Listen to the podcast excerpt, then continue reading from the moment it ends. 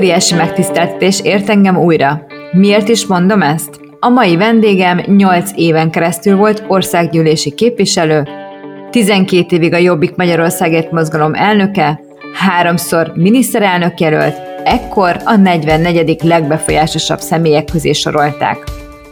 Majd 2018-ban valami megváltozott benne, és elhagyta a politikát. Lemondott mindenről, ami addig az életét jelentette.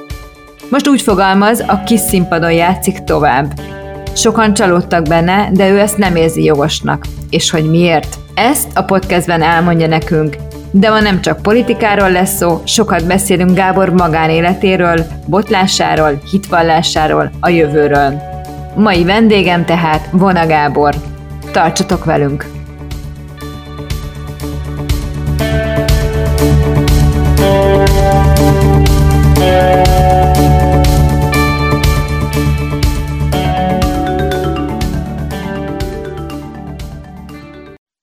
Shut up and sit down. Érdekel az egészség, a pénz, az érzelmes sztorik.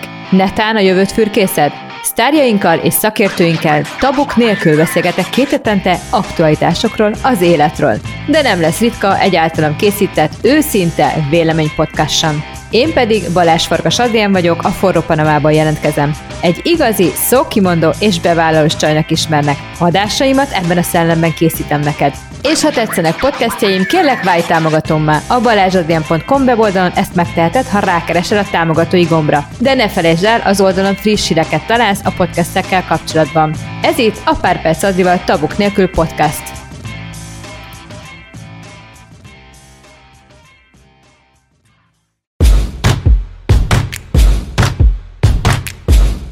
Te milyen vállalkozó vagy?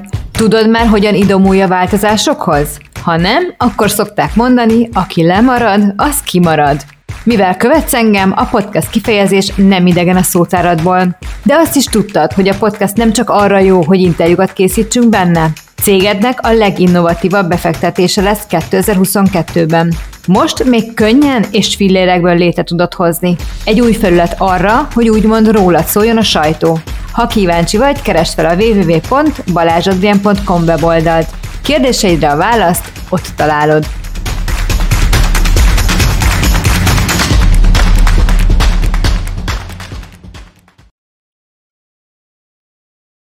Most, hogyha megkérdezném tőled, hogy ki von a Gábor, akkor mit mondanál magadról, hogy ki, ki vagy most te? Jó kérdés. Ez azért nehéz meghatározni, mert, mert én folyamatosan azt érzem, hogy úton vagyok. És ez egy ideig frusztrált, és szerettem volna már megérkezni. A feleségem viccesen meg is jegyezte, hogy igazából azért jó velem élni, mert bizonyos időközönként egy új embert kap maga mellé, és nem tud megunni ezáltal. Nyilván félig viccesen mondta, de mondjuk ebben van igazság, hogy, hogy változok folyamatosan, és ez, ahogy mondtam, zavar, de most meg már úgy vagyok vele, hogy most meg már így szeretnék életem végéig maradni. Tehát, hogy, hogy folyamatosan úton lenni, mert azt gondolom, hogy ez, ez, ez, a, ez a legizgalmasabb dolog az életben, hogyha mindig van előtted valami cél, vagy van előtted valami távlat. És most már megbékéltem ezzel, és ezért ilyen értelemben, amit most mondanék magamról, az úgyis csak egy pillanatfelvétel lenne, és lehet, hogy mondjuk két-három év múlva már valami más ö, ö, lenne az döndefinícióm. Ha most mégis válaszolnom kell a kérdés, mert nem akarom megkerülni, akkor, akkor azt mondanám, hogy most egy, most egy, egy értelmiségi vagyok, egy szabad gondolkodó, aki próbálja a, a politikában szerzett tapasztalatait a civil világban kamatoztatni, nem anyagilag gondolok most jelen pillanatban, nem anyagilag gondolom, hanem, hanem ilyen társadalmi ügyekkel foglalkozni, átgondolni a folyamatokat, tehát most nem, nem vagyok arra rákényszerítve, hogy, hogy minden áron reagáljak, vagy aktív legyek, hanem, hanem picit most itt két lépés távolságból, vagy ilyen madár távlatból tudok dolgokkal foglalkozni. Úgyhogy nagyjából ez.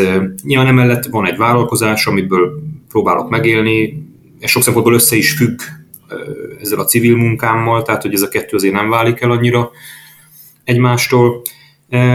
És hát vagyok az utamon. Tehát nem, nem, tudok ennél, nem tudok ennél neked pontosabb definíciót mondani. Azért mindannyian úton vagyunk, és mindannyian változunk, tehát hogy azt mondod, hogy te is, te is ugye változol, na de te gondolod, hogy az átlaghoz képest jobban változol, tehát jobban egy másfajta ember vagy? Abszolút, igen? abszolút, igen, igen. Tehát, hogy nem tudom, hogy mi a mértékegysége a változásnak, tehát, hogy mi az, aki, ki az, aki átlagosan változik, de én, de én, hogyha van ilyen, akkor biztos, hogy annál magasabb ö, fokon változom, vagy gyorsabban. És egyébként hozzáteszem, hogy ez a politikában nem túl szerencsés. Annak ellenére, hogy 20 évet töltöttem a politikában, és én azt gondolom, hogy relatíve sikeresen, ennek ellenére a politikában nem jó ez, mert, mert a politikában akár a szavazóid, akár a pártod stabilitást várnak tőled. Azt várják el, hogy... És hogy a véleményed te, meg sokszor változott. Így van, közben. és ugye ez, ez nekem mindig, mindig egy ilyen... Ö, mindig egy belső harc volt elsősorban, hogy, hogy az, amit én belülről megváltoztam, vagy megváltoztattam, azt hogyan tudom átvinni a pártomba. Tehát, hogy nekem sokszor a politika az nem csak arról szólt, hogy küzdöttem a politikai ellenfelekkel, hanem a saját pártommal, meg nyilván saját magammal is, hogy, hogy tudom-e a pártomat magammal vinni abba az irányba, amiben, amerre én változtam, és hogy egyáltalán ez, ez fölvet egy olyan kérdés is, hogy egyáltalán szabad-e. Tehát, hogy egy pártvezető megteheti-e azt, hogy az ő egyéni változásait megpróbálja hát nem ráerőszakolni, de hogy mégis valahogy belevinni egy egész közösségnek az életébe. És ugye nagyon sokan vannak, akik úgy tekintenek rám, hogy én elárultam őket, mert a korábbi értékrendjük, ami, ami, amivel kapcsolatban velem egy pártban vagy egy politikai közösségben voltak, azokat én megváltoztattam, vagy én azon túlléptem, vagy más irányba mentem, és a maguk szempontjából igazuk is van.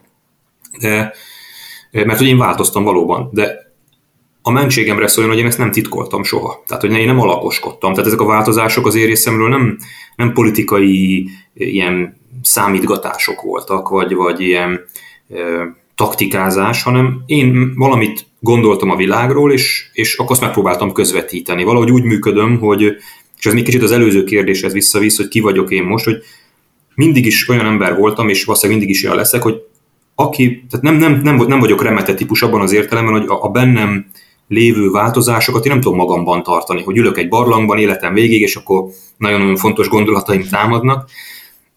Én ülök sokat, egyébként megolvasok sokat, de hogyha én nekem valami az eszembe jut, amit úgy, úgy érzem, hogy ez igaz, tehát hogy ez már kellően akkor azt csiszol... kívánkozik belőle. Igen, rögtön. igen, tehát addig csiszolgatom sokáig, tehát nem, nem, nem vagyok azért hű bele Balázs, azt gondolom. Csiszolgatom, csiszolgatom, de hogyha úgy érzem, hogy ez most már meg van csiszolva, akkor, akkor nekem, nekem azzal elő kell állnom. Val, valamiért ez a szoftverem, hogy akkor meg kell mutatni. Sok mindent mondtál, és sok kérdés lett a fejemben ezek miatt. Tehát először is mondtad, hogy sikeresen, sikeres politikus voltál. Véleményem szerint... relatív. Nem mindenki Igen, gondolja így nyilván. Néz, persze, nyilván relatív honnan nézzük, hogy most ugye nem nyertétek meg a választást, és nem, lesz, nem lettél miniszterelnök, de azért mégis 20 évig politizáltál, egy, végülis te mondtál le tulajdonképpen, tehát azért egy sikeres politikai pályának mondhatom, nem elküldtek a pártból nyilván, és most is azért sikeres a, a vállalkozásod, hiszen rengetegen követnek téged. Mindig meg szoktam kérdezni, mert engem érdekel, hogy mit gondolsz arról, hogy mi az, mi egy embernek a, a tehát mi a kulcsa annak, hogy valaki sikeres? Mitől sikeres valaki? Egyszer meghívtak egy konferenciára, amin pont ez volt a kérdés, és akkor nagyon sokáig gondolkodtam ezen, és nagyjából arra jutottam, hogy ugye én politikai szempontból tudom csak ezt megközelíteni, tehát hogy az üzleti világban, vagy, vagy mondjuk más területeken mit nevezünk sikernek, azt, azt, azt nem tudom, mert, mert abban én nem vagyok kompetens. Hmm, de a politikában szerintem, amit sikernek mondunk, az általában azt jelenti, hogy valaki karizmatikus, valakire, valakire odafigyelnek, van, akit követnek az emberek, és sokat gondolkodtam azon, hogy, hogy ez mit, mitől függ, mit, miért van az, hogy valaki karizmatikus az emberek számára, és van, aki nem, mert hogy ez nem függ össze egyébként se a diplomák számával, se a testi adottságokkal, se a szónoki képességekkel. Tehát vannak nagyon jó szónokok, vannak nagyon szép emberek, vannak nagyon okos emberek, és mégsem karizmatikusak. És közben meg pont az ellenkezője is igaz, hogy van, vannak kevésbé dekoratív, kevésbé okos és, és kevésbé művelt emberek, és mégis karizmatikusak is. Ugye én arra jutottam, hogy a karizma az szerintem a bensődből jön. Tehát, hogy az, az én úgy definiáltam. Tehát egy veled született gyakorlatilag. Nem, nem, nem, én pont azt mondtam, hogy nem. Szerintem a, a, nyilván van vele születettség is, mert hogy vannak, akik, akik egyszerűen kiállnak és otthonosan mozognak a színpadon. De hogy én pont nem ilyen vagyok. Én nem tudom, hogy én karizmatikus voltam de a visszajelzések alapján sokan követtek, vagy, vagy, vagy követték a gondolataimat, tehát ebből arra következtettem, hogy igen, viszont én nem voltam vele született politikus, tehát én, én nagyon izgultam a beszédeknél, meg egy ideig legalábbis, meg nagyon nehezemre esett megszólalni, és én a magam példáját azt úgy éltem meg, hogy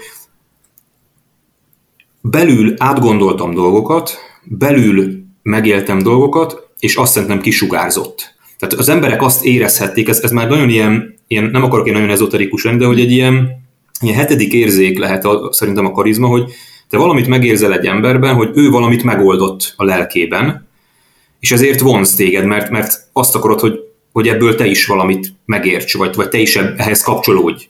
És én azt gondolom, hogy ez a karizma a politikában. Tehát aki, aki karizmatikus politikus, az akár rossz, akár jó, most az, hogy mire használja ez a karizmát, ez megint egy másik történet. De ő valamit belül a lelkében megoldott, fölismert, valami olyan, olyan dolgot, ami, ami az emberek, amire az emberek szomjaznak. Hm. Igen, hát abszolút biztos, hogy karizmatikus személyiség voltál, hisz, meg vagy is, hiszen most is rengetegen követnek, és azt mondod, hogy a politikában, de most is kell ez a karizmád ahhoz, hogy sikeresen vigyed a mostani vállalkozásodat. Igen, igen, de mondjuk azért most nincsenek ilyen nagy próbatételek. Tehát, hogy nyilván a vállalkozásnak fönt kell maradnia, sikeresnek kell lennie, de azért nincs olyan, hogy négy évenként vagy bizonyos időközönként van egy nagy választás, vagy egy nagy megméretetés, és ez egy óriási nyomás nyilván, mert te érezheted magad nagyon jónak, ha utána nem nyered meg a választást, vagy nem szavaznak rád annyian az emberek. Most nincs, nincs ilyen nyomás rajtam. Tehát, hogy picit most úgy érzem, hogy... És hiányzik ez a nyomás egyébként? Hm. Ö, nem. Nem. Most nem. Azt nem mondom, hogy soha nem fog hiányozni, mert nyilván ennek is van egy, van, van azért, van azért az adrenalinnak. Igen, igen, ezt akartam kérdezni, mivel járt ez a nyomás? Tehát, hogy mi volt az, ami, amivel járt neked ez, ez a nyomás? Én élveztem azt a nyomást. Tehát, hogy ezt másképp nem, tehát, hogy belebolondulsz, hogyha, hogyha nem élvezed, mert, mert, mert, mert politikusként, pláne az első vonalban vezető politikusként létezni, az, az egy olyan, olyan mentális teher, amit, amit nem egyszerű elviselni lelkileg, meg, meg függetleníteni magadat mind a téged szeretők, mind a téged utálók véleményétől, és egyikbe se belecsavarodni.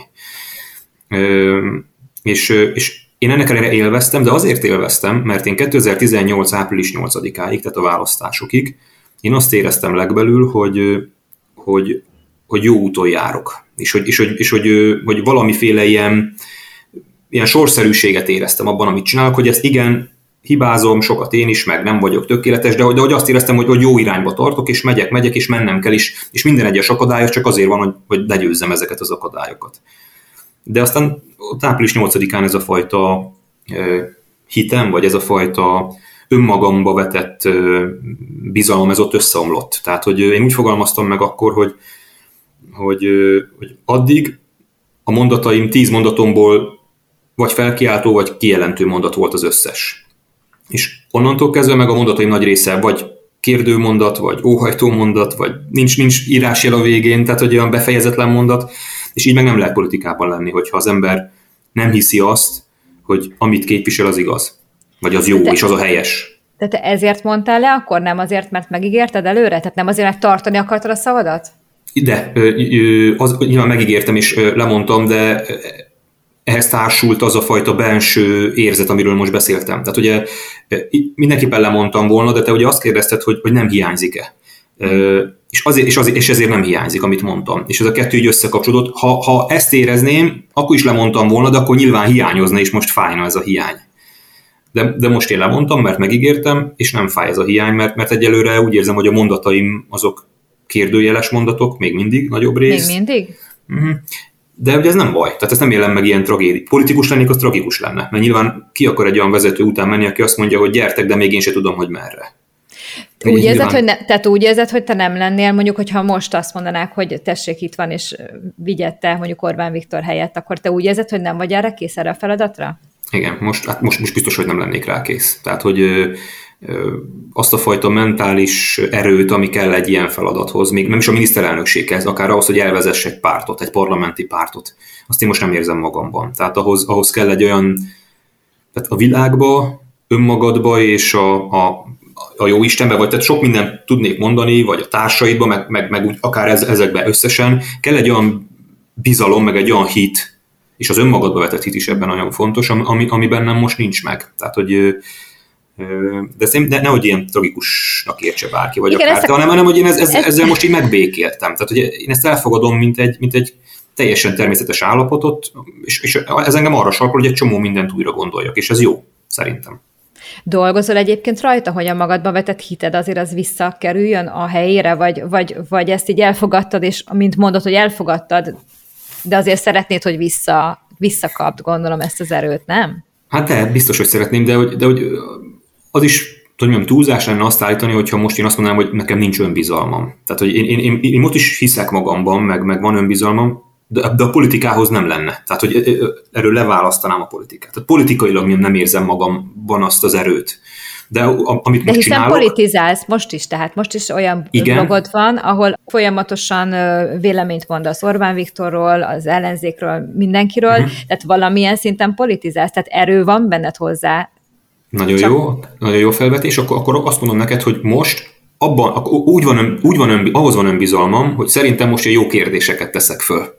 Tehát hogy most úgy gondolom, hogy most nem tudom, hogy mi a jó válasz, de nagyon jó kérdéseim vannak. és, és szerintem ez is, ez is egy fontos dolog, és most eb, ezzel én most egyelőre elégedett vagyok. Tehát, hogy azt hiszem, hogy jelen állapotomban, mint civil, mint, mint, mint, egy, mint egy vlogger, vagy mint egy író, ez, ez, ez nekem most elég. De nyilván, persze, ahogy mondtad, szeretném, hogyha ha nem csak kijelentő mondataim lennének, vagy hát nem csak kijelentő mondataim vannak, de, de lenne minél több felkiáltó vagy kijelentő mondatom is. Említetted azt is, hogy sokan csalódtak benned, és valóban az én környezetemben is rengetegen szavaztak rád, és rengetegen, amikor ugye lemondtál, csalódtak benned. És az, az oldaladon is látom, a Facebookodon végigolvastam a kommenteket, és zömével tényleg csalódott kommenteket látok most is, hogy cserben hagytad őket, hogy, hogy most miért politizálsz, tehát nyilván te is olvastad ezeket a kommenteket, te nem érzel magadban miatt uh, csalódás, hogy úgymond cserben hagytad őket, tehát hogy az emberek ezt érzik feléd, vagy hogy ezt uh, tolják rád most? Hú, hát most itt külön, megpróbálnám így külön szálozni, mert nagyon okay. fontos, amit mondasz. Az első, ez, ez egy ilyen nulladik dolog, hogy nem szabad a kommentekre alapozni szerintem semmilyen közéleti pályafutást, mert azt gondolom, hogy vannak, vannak mindig csendesek, akik nem kommentelnek, és, és az ő véleményüket ezáltal nem tudod meg, és én valahogy azt érzem, hogy sajnos a kommentelés, mint, mint jelenség, az elment a frusztrált, frusztráltság irányába. Tehát, hogy tíz kommentből kilenc azért van, hogy oda, a frusztráltságát valahogy odahányja az oldaladra, és marad egy, aki esetleg megpróbál tényleg kommunikálni veled. Ezt az egyet nagyon meg kell becsülni, de azért az a kilenc az, az, az, az nagyon sok. Tehát, hogy én, én most úgy érzem, hogy és ezt mindenkinek ezt tanácsolom, hogyha valaki politikai, politikai pályára készül, akkor az első feladata az, hogy a kommentektől megpróbálja magát függetleníteni, mert, mert akkor, akkor nagyon rossz irányba fog menni. És nem is biztos, hogy a valóságról kap visszajelzést. De, és nem akarom megint megkerülni a kérdést, biztos sokan érzik azt, hogy elárultam őket, vagy, vagy, vagy, vagy cserbe hagytam őket, de hogy nincs igazuk. Tehát, hogyha én úgy érezném, hogy, hogy, hogy igazuk van, akkor az nyilván nagyon nyomasztó rossz érzés lenne. Mert akkor, mert akkor, mert ki, ki szeretné azt, ki szeretné, hogyha, hogy, hogy, hogy ezt érezze. De azt, hogy ők ezt mondják, én ettől még nem kell, hogy ezt érezzem, és nem is érzem. Mert hogy egyrészt, ahogy mondtam, tartottam a szavamat, másrésztről pedig nem alakoskodom. Tehát, hogy nekem nagyon egyszerű lett volna azt mondanom, akár úgy is, hogy lemondok valamennyi időre, aztán egy pár hónap múlva visszatérek, hogy itt vagyok, visszatértem, beülök a parlamentbe, ott fölveszem a jó kis fizetést, és ott így alibizek. Mert azért 20 év politika után az ember, hogy mondjam, föl tudja mondani a kötelezőt. Tehát, hogy azért el tudom mondani azt a 15 mondatot, amivel a sajátjaimat megetetem, úgymond, hogy én még mindig milyen tökös meg fasz a gyerek vagyok, és akkor ebből el lehet éldegélni. De én nem ezt tettem. Tehát, és én abban, és, és lehet, hogy ezt nem mindenki érti. Lehet, hogy ezt, ezt meg nem is mindenki akar ennek utána gondolni, mert nincs ideje, Sokan nem értik. Sokan nem Sokan értik. Nem értik. Tehát, igen. És, nem is, és nem is várhatom el, hogy ezt értsék, mert mindenkinek annyi dolga van, hogy nem fog Vona Gábor lelki mélységeiben itt nagyon sokat kutakodni, most ezt miért, hogyan. De nyilván nekem meg az fontos, hogy én jól érezzem magam a döntésben. Itt nem, én nem nekik akartam ilyen értelemben a kedvükbe járni, hanem azt akartam, hogy én egy olyan döntés hozok, amire utána rá tudom építeni az életemet. Vagy tudom benne folytatni az életemet, és ez egy ilyen döntés volt. Úgyhogy, úgyhogy én ezeket nem azt mondom, hogy elengedem a fülem mellett, mert látom, meg hallom, de, de mivel meg vagyok róla győződve, hogy igazam van, és hogy abban is meg vagyok valahol győződve, hogy az idő majd valahol engem igazol, ezért relatíve jól viselem a kritikát. Meg az építőkritikát meg amúgy is szeretem. Tehát, hogyha valaki most túl ezeken az ilyen nagyon leegyszerűsített dolgokon elmond valamit és érvel, arra ott nyitott vagyok rá, hogy átgondoljak dolgokat. És azt is elismerem, hogy valaki tényleg azt érzi, hogy én elárultam. Én elismerem, hogy ő ezt érzi, és, és át is, és meg is értem, csak, csak nem, nem gondolom, hogy neki igaza van. Tehát én szerintem akkor árultam volna el, hogyha visszaültem volna a parlamentbe, és miközben nem tudom, hogy mit kell csinálni, eljátszanám, hogy én nagyon-nagyon értek ott most meg továbbra is mindent, és erre kell menni, meg arra kell menni, és csak azért csinálnám, mert ez egy megélhetésé vált. Az cserbehagyás lenne. Sok ilyen politikus van, és ugye te is mondtad, hogy, hogy, hogy a, a parlamentben gyakorlatilag ezek a felszólások sokszor miért. Tehát ugye egyébként én is azt néztem, hogy hat évvel ezelőtti parlamenti közvetítéseid ugye ott fönt van a YouTube oldaladon, és amikor ugye Orbán Viktornak intéztél mondatokat, szinte ugyanazokat a mondatokat hallom most mondjuk Jakab Pétertől, vagy, vagy más politikustól, mintha nem változott volna semmi. És tényleg valahol én is azt érzem, hogy miért. Tehát, hogy föltettük hat évvel ezelőtt, Orbán Viktor akkor is mosolygott rajta, meg most is mosolyog rajta. Valahol ez is benne volt, hogy te lemondtál, hogy azt érezted, hogy nincs miértje, mert nincs súlya azoknak a szavaknak, amit mondasz. Abszolút. Tehát, hogy azt nem mondom, hogy neked, hogy így április 8-án este 8 órakor ez már így össze is állt bennem, de, de egy ilyen érzetként ott volt bennem, hogy én ezt nem, nem tehát hogy még egyszer ugyanazt nem tudom csinálni. Tehát, hogy egyrészt megígértem, másrészt nem is tudnám csinálni, mert, mert, mert amit, amire te is céloztál, ugyanaz állt elő, ugyanaz a helyzet. Megint kétharmad, és, és egyébként erre vannak tanúim is, a jobbikos képviselőtársaim, már 2013-ban, tehát még a 14-es választások előtt azt mondtam egy frakcióülésen, csak nyilván ezt nem nyilvánosan, hogy én úgy érzem, hogy még, még 18-ig vagyok kalibrálva, és hogyha utána nem tudunk szintet lépni, hanem maradunk ellenzékben, és nem, nem tudjuk megmutatni, hogy mire vagyunk képesek, akkor én, akkor én azt, azt nem biztos, hogy folytatni akarom, mert, mert, mert, mert engem borzasztóan frusztrált már az, hogy én magamat alkotó embernek tartom. Tehát nekem én akkor vagyok boldog, hogyha minden egyes nap úgy tudok lefeküdni, hogy valamivel ma többet tettem, mint ahogy tegnap lefeküdtem. Tehát, hogy valami, valami többet, több van már a világban általam. Nyilván ez nem minden nap jön össze, sőt van, amikor kevesebb betér, érez az ember, mint volt előtte, de hogy erre törekszem. És itt gondolj bele, hogy ellenzékben vagy kétharmados többséggel szemben, tehát hogy lényegében tényleg csak, csak most bocs, hogy így mondom, de pofázni tudsz, semmi mást. És egy ilyen embernek, mint én, aki meg, meg irigyeltem már, esküszöm, irigyeltem a falusi polgármestereinket, amikor elmentem meglátogatni őket, és akkor bemutatták, hogy az óvodának új nyílászárói vannak és én a pártelnök, a nagy pártelnök, aki lejött Budapestről, az országgyűlésből, irigykedtem, nem irigykedtem, de irigyeltem, hogy de jó neki, hát ott van egy, ott van egy nyílárzáró, ami, ami kézzel fogható, és én nyolc év ott ülök a parlamentben, és milyen, milyen kézzel fogható dolgot tudok felmutatni, miközben életem legaktívabb éveit itt, itt töltöm el azzal, hogy beszélek, meg teljesen értelmetlen vitákat folytatok. Tehát ez, ez, ez abszolút benne volt, meg úgy voltam, hogy most már csinálják mások tényleg. Hát én, én tettem egy ígéretet, valamit azt, azt mondtam, hogy ez menni fog, nem ment. Szerintem ilyenkor az a korrekt, hogyha hagyjuk, hogy mások mutassák meg, mire képesek. Fogunk még beszélni itt a politikáról, tehát még később is, viszont egy kicsit, kicsit a magánéletedre is azért rátérnék. Ugye lehet olvasni a Wikipédián, hogy történelemtanárként kezdett, pszichológiát is tanultál, és végül aztán a politika mellett döntöttél. Ezek a pályák egyébként miért nem feleltek meg neked? Tehát mi volt vele a, a problémád, mind a történelemtanál, mind a pszichológiával? Miért pont a politikai pálya? Annyira változtatni akartál valamin? Hm. Valószínűleg igen. Azt, azt a gyermekkoromtól fogva éreztem, hogy, hogy valamiféle közérdeklődésre számot tartó dologgal akarok vagy fogok foglalkozni. Ez úgy, ez úgy nagyon korán összeállt a fejemben, és úgy, úgy, úgy készültem is arra, hogy, hogy majd valami, valami nagy dolgot csináljak, vagy valami nagy dologba vágjam a fejszín, de nem volt sokáig világos, hogy, hogy ez politika lesz-e, vagy valami más. Mivel történelemből voltam talán a legjobb, hogy az abban voltak eredményeim, így ilyen iskolai versenyek, meg, meg, meg, meg egyéb visszajelzések, ezért arra történelmszakra mentem, de például úgy, úgy soha nem láttam magam, hogy történész vagyok. Tehát az, az, a történelmszak az nekem inkább egy, hát nem azt mondom, időhúzás, hanem egy, egy ilyen induljunk el, és akkor majd meglátjuk. És hát nagyon sok mindent megpróbáltam. Jártam politológiára, egy fél évet portugál szakra is, aztán teológiára, jogra, pszichológiára három évet is. A pszichológia, magamat. Igen, és a pszichológiával egyébként mi volt a problémád? Vagy egyébként használod a pszichológiát most? Mert azért három év azért gondolom elég sok mindent magadra tudtál szedni. Folyamatosan. Tehát én nagyon szeretem a pszichológiát, de amikor oda jártam, a, tehát a történelem szakos voltam már két második után, tehát harmadikos voltam már, amikor elkezdtem a pszichológiát, és a pszichológiában engem az zavart, és ez most már nem biztos, hogy így van, de akkor nagyon az zavart, hogy nagyon materialista volt a pszichológia oktatás. Tehát, hogy azt éreztem a pszichológián, hogy így az embert számszerűsíteni akarja, hogy egy meg egy az kettő, akkor, akkor, akkor az, az agyunk, az érzelmeink, a viselkedésünk is egy meg egy az kettő szintre kell így redukálni, hogy ami, és akkor lehessen, lehessen ilyen egyenletekbe fölírni az embert, amiben én nem hiszek, és még nem is arról van szó, hogy most van-e Isten, vagy nincs Isten, meg, meg, meg milyen spirituális dolog, csak egyszerűen szerintem az emberelnél sokkal bonyolultabb, és nyilván ezt mások is így gondolják, és engem ez nagyon zavart, és nem találtam a pszichológia szakon olyan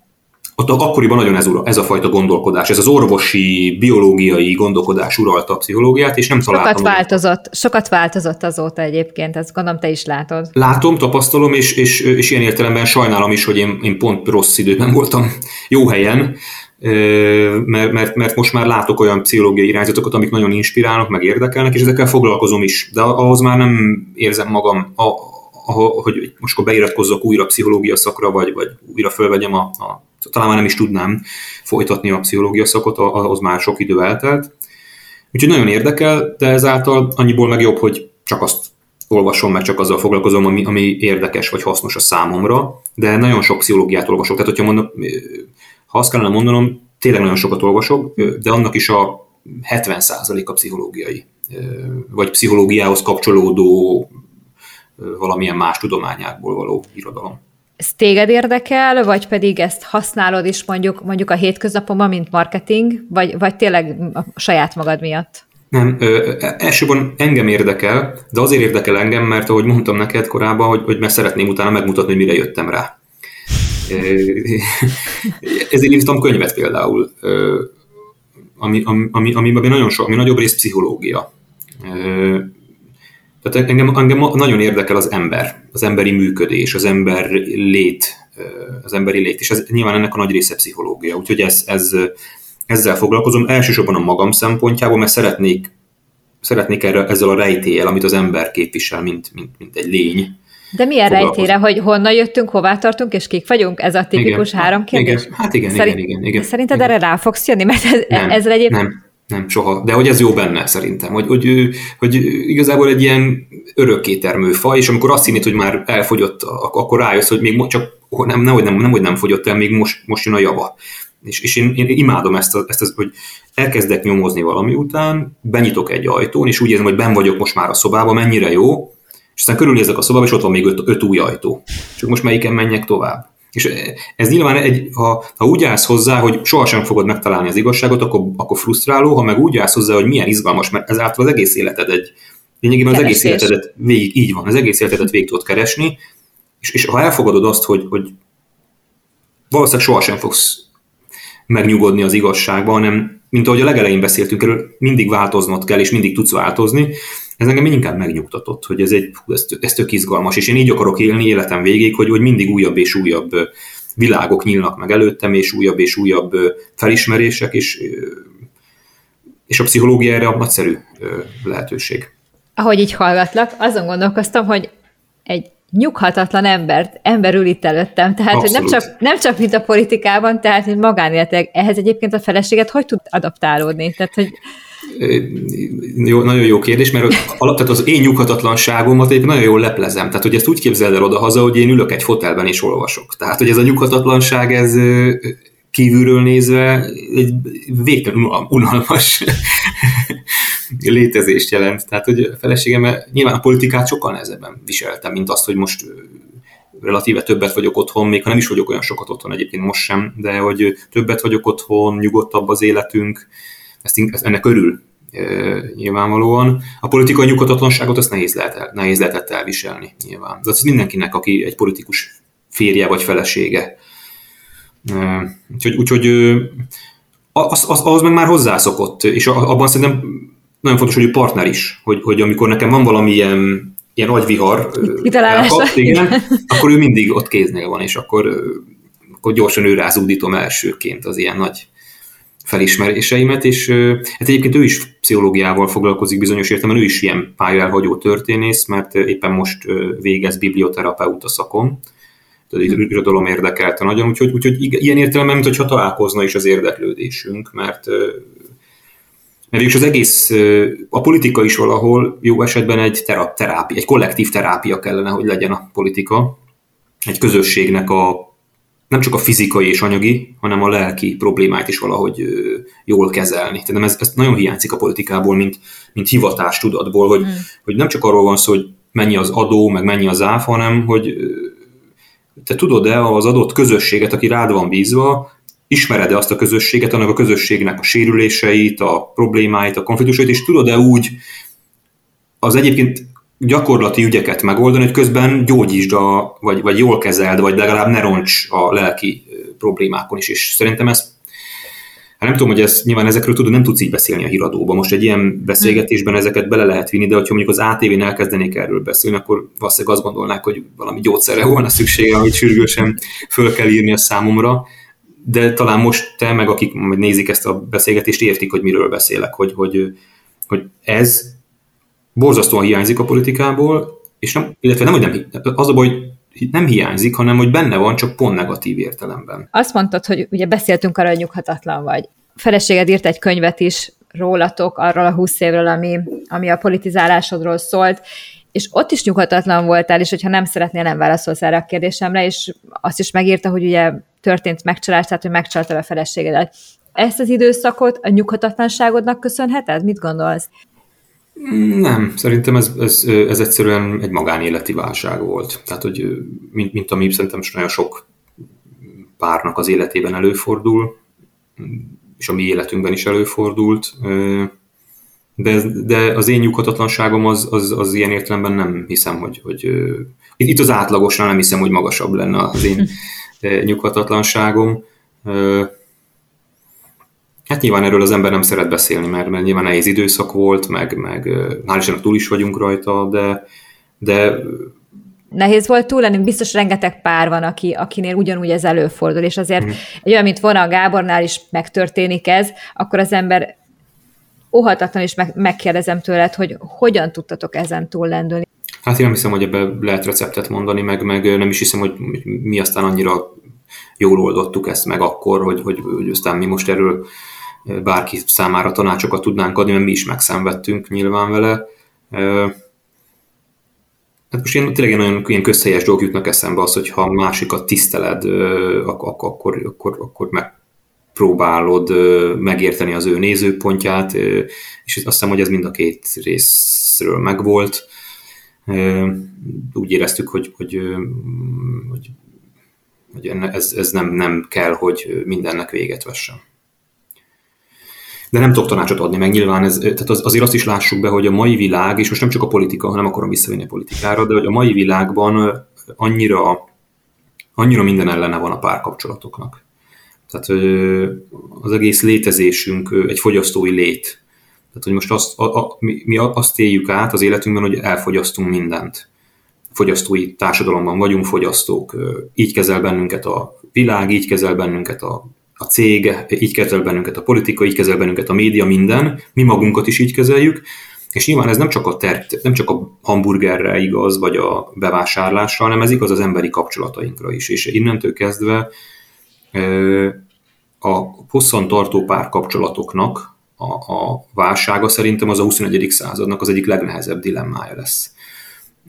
Hogy hogyan lehet egy egész életen át egy, egy másik emberrel együtt élni, ez, ez valami olyan bődületesen kell is együtt élni? Tehát szerinted kell is együtt élni? Szerinted arra vagyunk prognosztizálva, hogy 20-30-40 évet együtt töltsünk egy ember mellett? Mit gondolsz? Nem hiszem, nem hiszem. Szerintem ebben nagyon különféle karakterek vannak, és, és hogy ebben ki, kinél mi a biológiai kód, és kinél mi a kulturális kód, azt én nem tudom, mindenkinél más. És, és az is lehet, hogy valakinél a biológiai kódja, meg a kulturális kódja ellentétben van egymással, lehet, hogy a biológiai kódja monogám, a kulturális kódja meg poligám, vagy fordítva, tehát hogy sok-sokféle variáció lehet, de az, én most, én most csak annyit tudok ez ügyben mondani, hogy tényleg, hogy a világ az nagyon ellene van ennek, és, és például, ha megint a politikát idehozhatom, tudomásul is kellene venni a politikának, például amikor családtámogatási rendszert alakít ki, hogy az a fajta illúzió, meg az a fajta ilyen, ilyen rózsaszín köt, hogy van a papa, meg papa, mama, három tüneményes, tüneményes gyerek, akik, akik, akik, akik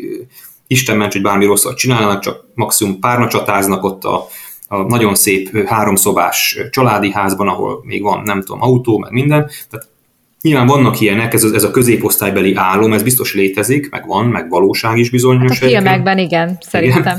Igen. De, azért, de azért nem ez a valóság. És, és a valóság az, hogy ma a, a, a párkapcsolatoknak a többsége tönkre megy, vagy, vagy, vagy, vagy mérgezővé válik a felek számára, és és hogyha együtt is marad, tehát egy párkapcsolat megmarad, akkor is számtalan sérülés, számtalan válság lehet benne, amit vagy így, vagy úgy oldanak meg a felek. És, és azt gondolom, hogy, hogy ez nyilván lehet erre azt mondani, hogy ez mindenkinek a magánélete, csak hogy mivel mindenkinek ilyen a magánélete, tehát szerintem aki azt mondja, hogy az ő párkapcsolat az, az most nem, nem akarok tényleg senkit megsérteni, de aki azt mondja, hogy az ő párkapcsolat az, az felhőtlen, akkor én erre azt tudom mondani, hogy ő valószínűleg felszínesen éli meg ezt a párkapcsolatot. Tehát annak a párkapcsolatnak valójában nincs mélysége. Mert van... lehet, hogy, lehet, hogy nem jobb nekik, akik felszínesen élik meg? Hú, hát de nagyon sokat gondolkodtam már ezen, amit mondasz, hogy milyen jó lenne tényleg ilyen, mert hogy én írtózom a felszínességtől, tehát hogy ilyen, ilyen zsigerileg írtózom tőle, de, de néha azon gondolkodom, hogy milyen jó lenne pedig mégiscsak felszínesnek lenni, így az élet szinte minden részén, mert annyival kevesebb problémám lenne, meg gondom, de aztán inkább elhesegetem ezt, hogy jobb az így nekem. Ja, igen. A másik nagy kérdés, amivel foglalkozol, és ugye említetted is, az a, az a könyved, most, a, most jött ki egy könyved, és van egy másik könyved, ami engem jobban érdekel, az első könyvet. Míg a halál el nem áraszt című könyved. Itt ugye a halál kérdésével foglalkozom, meg a szorongásról. Ennyire félsz a haláltól, ennyire nem látod azt, hogy mi van a halál után, és ezért foglalkoztatott ez a kérdés? Ö, gyermekkorom tól kezdve nagyon foglalkoztat a halál kérdése, elképesztő erővel, és sokáig ez nagyon komoly félelem is volt, és szerintem hazudik, aki azt mondja, hogy egyáltalán nem fél a haláltól, mindannyian félünk tőle, de, nem, nem a, de, de én nem a halál félelemről beszélek, és nem is erről írtam könyvet, hanem a halál szorongásról, és hogy ez mi a kettő között a különbség. A félelem az ugye, azt tudod, hogy mitől félsz. Tehát amikor halál félelmed van, akkor félsz a haláltól, mert vagy éppen halál veszélyben, vagy életveszélyben vagy, vagy pedig eszedbe jutott a halál, és, és konkrétan azzal foglalkozol. A halálszorongásnál nem tud, a szorongás az, ott nem tud, hogy mi a tárgya a szorong. Csak azt érzed, hogy belülről valami nagyon rossz érzés van benned, valami, valami nyomaszt, valami mélyteljezés, nem tudsz a dolgaidra koncentrálni, ezt hívják szorongásnak. A halálszorongás az pedig az, amikor a halál elfolytott gondolata okozza bennünk ezt a fajta nyomott de, érzés is. Bocsánat, hogy közbeszólok, de aki, aki, ugye, aki a haláltól ugye fél, az ugye szorong egész életében. Tehát ugye azt mondják általában a, a pszichológusok is, azok a szorongó emberek, és azok, azokkal van ö, ilyen probléma, akik nem fogadták el a halált. Tehát, hogy igazából akkor ez egy egész életedben végig kísér tulajdonképpen, hogyha nem fogadod el azt, hogy végül is a vége az úgyis az, hogy, hogy meghalsz. Tehát, hogy... Igen, de szerintem ezt nem tudjuk elfogadni. Tehát, hogy az én, az én, az én halálszorongás definícióm az az ebben a könyvben, hogy valójában a halálszorongás az azt tesz bennünket emberré. Tehát, hogy én úgy képzelem, tehát, hogy én úgy képzelem el, hogy hogy jött létre az ember, hogy ültek a, akkor még ilyen, hát ilyen főemlős őseink a tábortűz körül, már nyilván nagyon jó kis agyuk volt, meg értelmük, meg, meg, meg már vadáztak, tudtak arról, elkezdtek, elkezdték megérteni azt, hogy én vagyok, fölismerték önmagukat a, a víztükörben, meg, meg elkezdték nézegetni a kezüket, tehát hogy kialakult egy öntudatuk. Ugye ebben meg külön, különbözőek vagyunk az állatoktól. Csak ennek az öntudatnak volt egy ilyen mellékhatása, vagy egy következménye, hogy arra is rájöttünk, hogy meg fogunk halni. És ezzel nem lehet együtt élni. Tehát, hogy még általában agykutatók is találtak az agyunkban egy olyan központot, vagy egy olyan részt, ami azért felelős, hogy te ne, ne foglalkozz a halál, tehát ne, ne, ne tudd a saját halálodat elképzelni, mert az annyira bénítana, hogy abba beleőrülnél. Tehát például, ha belegondolunk abba, hogy amikor azt mondod, hogy majd a temetésemen, akkor egy egyes szám harmadik szemébe kezdünk el beszélni. Tehát, hogy mint hogyha te is ott állnál, és így néznéd a szegény elhunytat, aki egyébként te vagy. Tehát, hogy így nem, nem, nem, azt nem tudjuk elképzelni, hogy milyen az, amikor nem vagyunk. Mert hogy a tudatod az nem tudja elképzelni, mi az, amikor ő nincs. És ez, egy, ez, egy, ez, ez az evolúcióban, vagy nevezzük akárminek, az evolúcióban ez egy olyan pillanat volt, ami, ami bennünket nagyon nagyjá tett a világ uraivá, de egy ilyen elátkozottságot is adott az életünknek, és én azt állítom ebbe a könyvbe, hogy a kultúrát azért találtuk föl, és azért nem maradtunk benne a természet világában, és azért hoztunk létre egy, egy más világot, amiben éltünk innentől kezdve, mert hogy ez a világ adta meg nekünk a válaszokat arra a, erre a szorongásra. Tehát a vallás, a művészet, a tudomány, az agykulturális intézmények, azok, ha belegondolunk, mindegyik ebben segít bennünket. Hogy a művészet azt mondja neked, hogy itt és most felejts el mindent.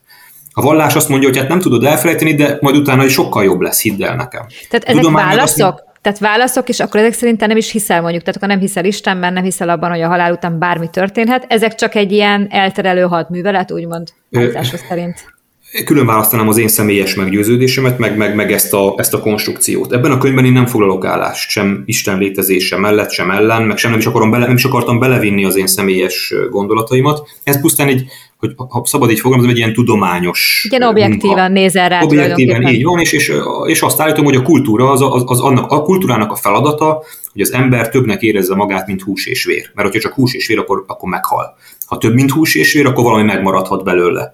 És a kultúra adja nekünk azt az érzést, a különféle dolgok által, ez akár lehet a gasztronómia is, tehát lehet olyan dolog, ami, ami teljesen eviláginak tűnhet, de Hát biztos te se láttál még olyan oroszlánt, amit megfűszerezi az antilop, a fisel lejtett antilopot, vagy, vagy még nem, de és akkor... Tessék? Még nem, de láthatunk itt. Hogy... Hát, hogy pár milliárd év, vagy pár millió év, és akkor az oroszlánok is eljutnak erre a Igen. szintre, majd nem tudom. De hogy ezzel csak azt akarom mondani, hogy a kultúra megadja nekünk azt a lehetőséget, hogy többnek érezzük magunkat, mint, mint, mint, mint, mint állatok, úgymond az, az állatszót. Én nagyon pozitívnak tartom, de itt most a hús és vér tekintetben. És az a baj a 21. századnak szerintem, hogy a kultúra ilyen értelemben eltűnik az életünkből. Tehát, hogy a fogyasztói lét, az nagyon jó, hogy meg tudok venni mindent, de ez, ettől nem érzem magam többnek, mint hús és vér. És az a baj a mai embernek, hogy ö, nyilván nem mindenkinek, mert van, aki talál magának vallási, művészeti, vagy bármilyen kapaszkodókat, és mindannyian keressük, és te találtál? Tehát ez, erre, mert, mert hogy objektív... Az én személyes... Mindig olyan szépen elmondod, hogy mit gondolsz... Tehát, hogy Politikus igen. voltam. és mindig igen, el is megyünk arra az irányba, de én a te véleményre lennék kíváncsi, hogy te találtál Jó. valamit? Akkor megint csak annyit tudok mondani, hogy én most miben hiszek. Tehát, okay. hogy aztán lehet, hogy két év múlva más mondanék. Én most abban hiszek, hogy, hogy minden a világon az egy, és minden tehát, mind, tehát én nem hiszek abban, hogy Vona Gábor a halál után megmarad. Én abban hiszek, hogy az, ami Vona Gáborban a legbensőbb valóság, az marad meg. És az rajtam keresztül ismeri meg önmagát, meg rajtad, meg mindannyiunkon keresztül, ami a világban van. Tehát ez most kicsit ilyen nagyon ezoterikusan, meg, meg, meg ilyen misztikusan hangzott, de hogy én ebben hiszek, nyilván vannak sokan, akik has, valami hasonlóban hisznek, de ez csak egy hit vagy egy megérzés, mint, tehát nem, ezt nem, erről nem tudnék egy tudományos munkát írni. Tehát tulajdonképpen az energiában, tehát hogy, hogy te egy energiaként létezel. Én abban, annál picit többen, tehát, tehát én abban hiszek, hogy van valamiféle intelligencia a világ fölött, vagy a világ magjában, vagy a belsejében, vagy a létezés legbensejében,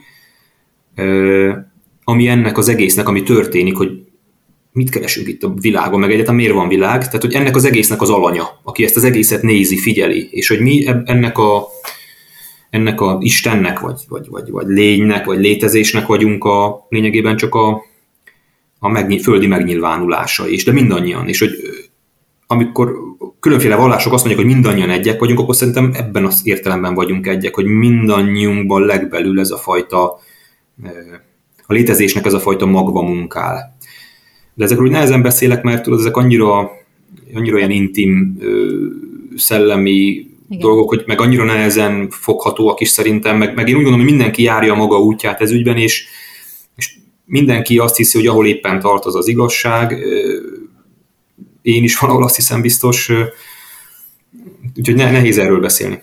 Akkor imádkozni például szoktál? Szoktam, igen. Minden nap Szoktam. igyekszem imádkozni, igen. Meg, meg, meg például, nem tudom, hogy ez például imádkozás vagy meditáció, van nekem egy erre egy sajátos, nem is tudom, minek nevezzem, formám, vagy formulám, és azt úgy szoktam reggel, vagy este, vagy hogy olyan helyzetben vagyok, amikor úgy érzem, hogy, hogy, hogy, hogy vagy meg kell nyugtatnom magam, vagy koncentráltá kell tennem magam, akkor szoktam ez ilyen, ilyen röpima, vagy ilyen kis mini meditáció, vagy nem is tudom, minek nevezzem. Amit a felszólal, felszólásaid előtt is ugye alkalmaztál igen, már, igen, ezt igen, is igen. mantráztál. Igen, igen. A fiadat ö, olvastam, hogy, hogy nem politikai pályára készül, legalábbis ott az oldalon így írod, de, de mit szólnál hozzá, hogyha ő bejelenteni, hogy ő már pedig politikus szeretne lenni? Hát az otthoni vitáinkban már érzek komoly, komoly kvalitásokat, de nem hiszem, hogy ő azért szegény nagyon megszenvedte az én politikai pályámat, azt hiszem. Tehát sok olyan dolgot kellett átélnie gyermekként, ami, ami nem hiszem, hogy egy gyermeknek jó, és nem hiszem, hogy át kell élnie, és ez emiatt nyilván nekem van, van bennem rossz érzés, meg, meg, meg fáj, fáj is, de, de ennek ellenére ha politikus lenne, akkor, akkor, akkor azt is támogatnám természetesen. Tehát, hogy tehát én biztos, hogy nem leszek az, aki erőlteti, hogy politikus legyen, meg az sem, aki keresztbe fekszik. Hm. Ha, ő, ha ő úgy érzi, hogy abban a pályán, azon a pályán van neki hívása, akkor menjen, és, és én akkor, akkor segíteni fogom azzal a tapasztalattal, meg tudással, ami van nekem magánéletedről nem fogadlak tovább, mert, mert, mert úgyis mindig kitérünk a politikára, de viszont nagyon érdekel a véleményed a, a mostani helyzetről, tehát a mostani kialakult világról. Mit gondolsz például arról, ott kommentálták is neked, de arra nem válaszoltál, hogy, hogy mit gondolsz arról, hogy van egy ilyen great reset, tehát, hogy, hogy ezt a mostani COVID helyzetet, ezt a mostani világot, ami kialakul, ezt valaki irányítja, és ez egy egész egy irányított dolog. Te hogyan látod ezt az egész mostani kialakult szituációt? Én nem hiszek abba, hogy a Covid az egy irányított dolog lenne. Abban viszont hiszek, vagy azt, azt nem, nem tartom valószínűtlennek, sőt igen valószínűleg tartom, hogy az így kialakult helyzetet a politika az föl fogja használni a maga érdekei szerint. És innentől kezdve is fogja, vagy fölhasználta már? Fölhasználta már, és föl is fogja. És innentől kezdve is mindegy is, ha belegondolunk, hogy most ez irányított volt-e a kezdetektől, vagy sem, irányítottá vált mert hogy minden pusztítása, meg nehézség ellenére, ami a Covid-dal jár, gazdasági, vagy akár egyéni tragédiák mellett, ez a politika számára elképesztő lehetőségeket tár, tár föl. És sajnos számomra ijesztő lehetőségeket. Tehát itt most nem csak a belpolitikai lehetőségre gondolok, hogy, be tudod zárni az embereket, meg kontrollálni tudod az embereket, meg megosztani tudod az embereket, megfigyelni tudod az embereket, bizonyos szituációból ki tudod zárni az embereket, tehát hogy nagyon, nagyon sok húról lehet pengetni, belpolitikailag is, de külpolitikailag is, vagy nemzetközileg is nagyon veszélyesnek tartom, mert gondoljunk bele abba, hogy jön egy ilyen kis vírus, és megcsinálja az elmúlt, nem tudom, tehát a másik világháború óta ekkora válság nem volt, mint ami most van a világban. Gazdasági értelemben sem. És pedig azért volt egy-két nagy világválság, és egy kis vírus elég volt hozzá. Most én innentől kezdve nehezen tudom elképzelni, hogy akár a Kína, az Egyesült Államok, Oroszország, vagy a többi nagyhatalom nemzetstratégiai ilyen kis think tankjeiben ne kezdődne el a gondolkodás, hogy ja, hogy egy ilyen vírussal meg lehet bénítani az egész világot, tehát akkor csináljunk egyet saját magunknak, aminek mi tudjuk az ellenfelét, és aztán, hogyha úgy van, akkor rá tudjuk szabadítani az ellenfeleinkre. Tehát én nehezen tudom elképzelni, hogy ilyen jellegű gondolkodás ne induljon el, vagy nem indult el a különféle ö, ilyen csoportoknál, és ez, hogyha belegondolunk, rémisztő, mert, mert fölveti annak a lehetőségét, hogy a világunk, ami, ami, ami jön, az, az, az, egy ilyen vírusháborúvá alakul. Tehát, hogy mind, minden korszaknak megvan a maga háborús, hogy mondjam, jellemzője. Ugye volt hidegháború, a második világháború után, utána úgy tűnt, hogy van egy ilyen békésebb időszak, és akkor inkább így a, a cégek, meg a bankok, meg a adó, meg a kamatok, meg nem tudom, ezek, ezek voltak úgymond a, a, a fegyverek, és most úgy tűnik, hogy egy, egy, egy ilyen biológiai hadviselés is bekerülhet a repertoárba, és ez, ez félelmetes valahol. Te látod ennek a végét? Vagy, vagy gondolom, te is sokat gondolkodtál rajta, hogy milyen kimenetelei, meg láttam is ilyen videódat, hogy ugye milyen azt hiszem egy pár hónappal osztottad meg mm. ezelőtt, hogy pozitív, negatív, realista kimenetele lehet ennek az egésznek, de akkor még bőven a negyedik hullám előtt voltunk. Most, most hogy látod? Hát nagyon jó kérdés ez is. Nem, nem tudom, bármelyik mellett és bármelyik ellen is tudnék érvelni, az a baj. Úgyhogy én jelen pillanatban azt, azt a mondást próbálom a Covid kapcsán így mondogatni magamnak, hogy, tehát, hogy az ember foglalkozzon azzal, amin tud változtatni, és kerülje azt, amin nem tud. Mert hogy a bölcsesség állítólag azt mondják ebből fakad. És úgy, úgy látom, hogy, hogy a Covid és a körülötte forgó erők a világban azok olyan, olyan monumentálisak, akár csak a gazdasági érdek, a politikai érdek, maga a vírus, ennek az egész biológiai, meg, meg, meg epidemiológiai hatásai, ezek, ezek annyi, annyi, olyan mértékben fölött állnak az én kis életemnek, hogy, hogy próbálom követni, megérteni, de hogy nem hiszem, hogy ezen tudok bármit is változtatni, azt érzem. Amin tudok változtatni, az az, hogy hogy állok ez az egészhez hozzá. És fölkészülve arra a lehetőségre is, hogy ez, ez az életünknek hosszan tartó, vagy akár állandó részévé válik, és, és erre, erre próbálok magamnak ilyen életstratégiákat kitalálni, hogy hogyan tudom az életemet újra normálissá tenni, anélkül, hogy egyébként a világ az normálissá válna a jövőben. Vagy hát visszatérnénk oda, ahol, ahol ami volt korábban. Lehet, hogy nem fogunk. És, és, és én, ugye két lehetőséged van innentől kezdve. Az egyik az, hogy vagy, vagy több lehetőség van, de hogy matematik, vagy hát egy nagy, két nagy csoport van. Az egyik az, hogy ebbe a változó világba így, így, így, így teljesen összezavarodsz, és, és így elkezdesz kapkodni, meg, meg, meg, meg, meg ide-oda sodródni.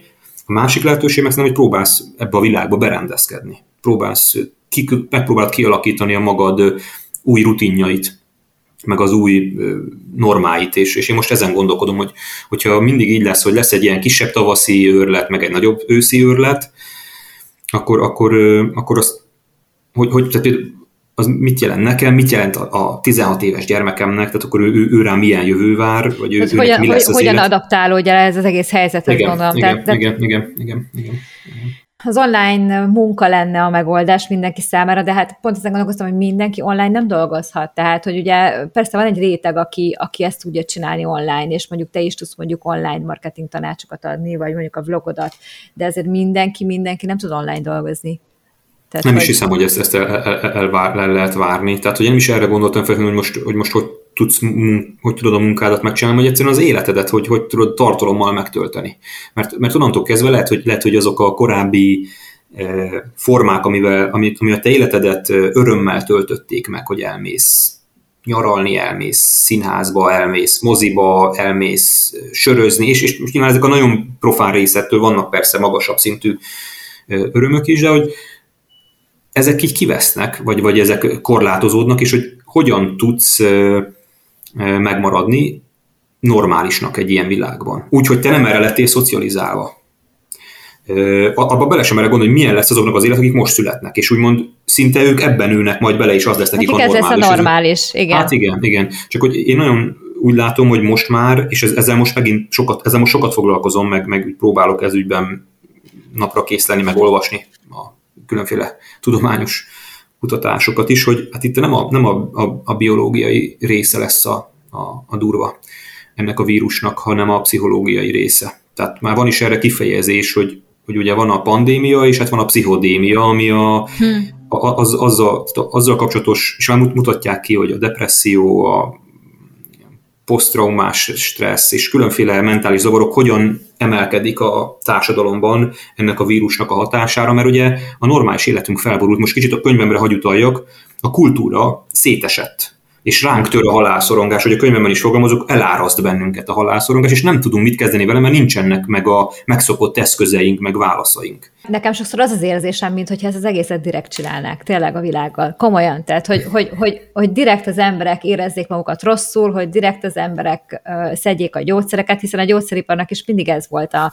koleszterin csökkentő tabletára, ha csak gondolok. Ugye a koleszterin csökkentőt szedsz, akkor már a májad is problémás, és akkor így sorolhatnám tovább. Tehát, hogyha ha nagyon megnézem, akkor nekem azért kérdeztem, hogy mi a vélemény Great Resetről, tökre ilyen irányítottnak tűnik az egész. Tömjék magukba a gyógyszereket, és irányíthatóvá válik az ember, hiszen azt a társadalmat lehet irányítani, aki fél, aki, akinek valami baja van. Én továbbra is azt gondolom, hogy, tehát, hogy ez, ez nem lehetett senkinek az érdeke eredetileg, vagy, vagy, vagy én, én ebben nem hiszek, hogy ez egy ilyen nagy, ö, ö, tehát volt egy nagy összeesküvés, ami ezt az egészet elindította, de az, abban már teljesen igazat adok neked, hogy, hogy ebben mondjuk a gyógyszeripar meglátja a lehetőséget. És hát a, a, a különféle antidepresszánsokat gyártó cégek számára ki a piac, neki a depressziós ember a piac. Tehát minél több depressziós ember van, annál jobban nő a cég. Tehát, hogy lényegében egy kicsit ilyen fura, meg, meg, meg bizarra kép, de hogy így látom magam előtt, hogy az antidepresszáns gyártó cég meetingjén örömújongások vannak, és nagy egymás kezébe csapások és előléptetések, mert egyre több a depressziós, hogy egyre jobban pörög a biznisz. Tehát hogy valahol borzasztó, de hát a világ már csak ilyen, hogy, hogy, hogy lényegében a háborúnak is mindig voltak nyerő, nyerészkedői. A hadipar, a különféle ilyen kiszolgáló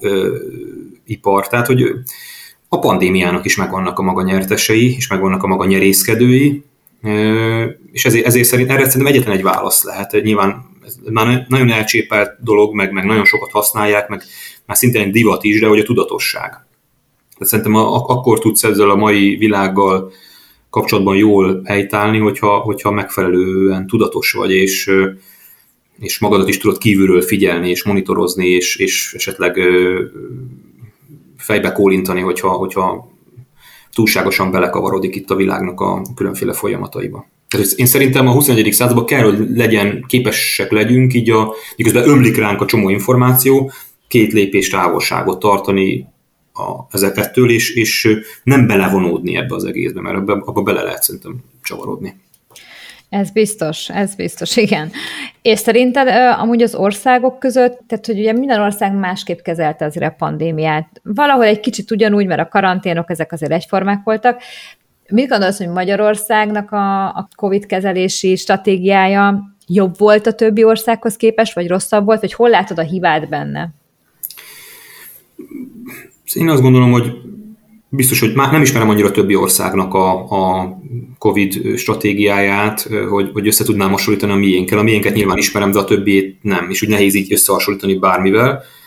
Hát például ugye van olyan ország, ahol, ahol nem volt kötelező a maszkviselés, tehát ugye van, van olyan ország, ahol mai napig ugye nem köteleznek arra, hogy te beoltasd magad. Igen. Magyarországon most már egyre jobban ugye ez is uh, kezd divatba jönni. Körülbelül ezek a különbségek mm. vannak országok Ezt, ezt látom, de nem, nem, szerintem még nem telt el annyi idő, hogy most itt bárki azt mondja a másikról, hogy ezt csinálta jól, vagy azt csinálta jól. Én azt látom, hogy mindenki a, a, a sötétben tapogatózik, és, és lehet, hogy öt év múlva annak lesz igaz, aki szigorított, lehet, hogy annak lesz igaz, aki nem szigorított, lehet, hogy az óriási baj lesz abból, hogy akik oltakoztak, lehet, hogy óriási nagy mázliuk lesz, akik oltakoztak, tehát hogy ezt, ezt nem, nem, szerintem nem tudjuk még, és mindenki szeretne nagyon okos lenni, mert mindenki szeretne nagyon tudni, hogy mi az igazság, de én, én azt gondolom, hogy nem tudjuk, hogy mi az igazság jelen pillanatban, és ehhez még sok idő kell majd, és lehet, hogy akkor, amikor mi tudni fogjuk, már késő lesz, bárhol is álljunk a különféle ö, kérdésekben. Úgyhogy én azt gondolom, hogy Magyarországon is kormány megpróbálta politikailag kihasználni ezt a lehetőséget a maga számára. Nyilván próbálta mérsékelni a, a gazdasági károkat, próbálta valahogy az egészségügyet a kormány fenntartani, ami ugye nem volt olyan könnyű az egészségügy hosszú leépítése után, és ami az egészben a legvisszataszítóbb volt nekem az az, hogy, hogy ez egy politikai eszközé vált, a politikai kártya lappá vált, egy ásszá, hogy, hogy a hát hogy akkor ér véget a járvány hullám, amikor majd én eldöntöm, hogy véget ér, akkor kezdődik, amikor már majd, amikor már lement a nem tudom a vadászati kiállítás, tehát hogy egy ilyen, az egész így nagyon, nagyon, ahogy te is mondod, irányítottá vált ennek az egésznek a, a, a dolga, úgyhogy, úgyhogy én ezügyben is várakozó állásponton vagyok. Nem tudom, hogy kinek van igaza, és kinek lesz igaza. De Oltással ami, kapcsolatban is vársz? Az oltással kapcsolatban, én, én, én tehát én a két oltásom van, a harmadikat nem vettem föl, és nem is tudom, hogy fölveszem el, ebben nem vagyok biztos. De én azt gondolom, hogy, tehát, hogy aki nem veszi föl, én abban én, én megértem. Tehát, hogy el tudom fogadni az álláspontját. Én nem, nem vagyok egy ilyen veszett oltáspárti, meg nem vagyok veszett oltás ellenes sem. Én fölvettem, úgy éreztem, mérlegeltem, hogy akkor az nekem a, talán az a kisebb kockázat. Azt, hogy jól döntöttem vagy sem, azt mondom, majd az idő eldönti, nem tudjuk. De azt azért hozzáteszem, hogy miközben én oltást fölvettem, azt azért lássuk be, hogy egyrészt nincs még annyi idő, hogy ennek az oltásnak a, a, ezért az oltásért bárki vállalja a felelősséget. Tehát egy olyan oltást kötelezővé tenni, amit a gyártó maga sem vállal el teljes felelősséggel, mert hogy egyszerűen nem is vállalhatja, mert nincs meg az a fajta tudományos hogy mondjam, biztonsághoz szükséges időtartam, és innentől kezdve ez, ez, ez azt gondolom, hogy egy nagyon felelőtlen játék, de valahol meg azt is gondolom, hogy aki meg esetleg a kormány megpróbál oltásra ösztönözni, én azt is megértem, mert szerencsétlen Az kormányoknak... az jól szó, tehát ösztönzéssel nincs is gond, itt nem is az, nem is az ösztönzéssel van a gond, hanem inkább hmm. már, amit, amit tehát az, hogy most már korlátoznak, hogyha nem. Ugye nézzük Ausztriát például. Amit Persze, tudni. hát mert nálunk is ebbe az irányba tartanak a folyamatok, és, és hát nyilván itt, itt mind a két oldalnak van sok igazsága, meg mind a két oldalnak van szerintem sok, amiben nincs igazsága, vagy, vagy nem, tehát nem értjük meg egymást, aki különféle oldalakra kerülünk ebben a dologban, és ugye ez már nem is pártpolitika, hanem átrajzolja. Itt van ellenzék is, aki az oltás ellen van, meg kormánypárti is, meg fordítva. Miközben azt gondolom, hogy meg, kéne, meg kellene érteni mindenkit, mert mindenki mit szeretne, szerintem mindenkit az motivál, hogy saját magát és a szeretteit biztonságban tudja. Ha valaki oltakozik, akkor azért teszi, ha valaki nem oltakozik, akkor meg azért teszi.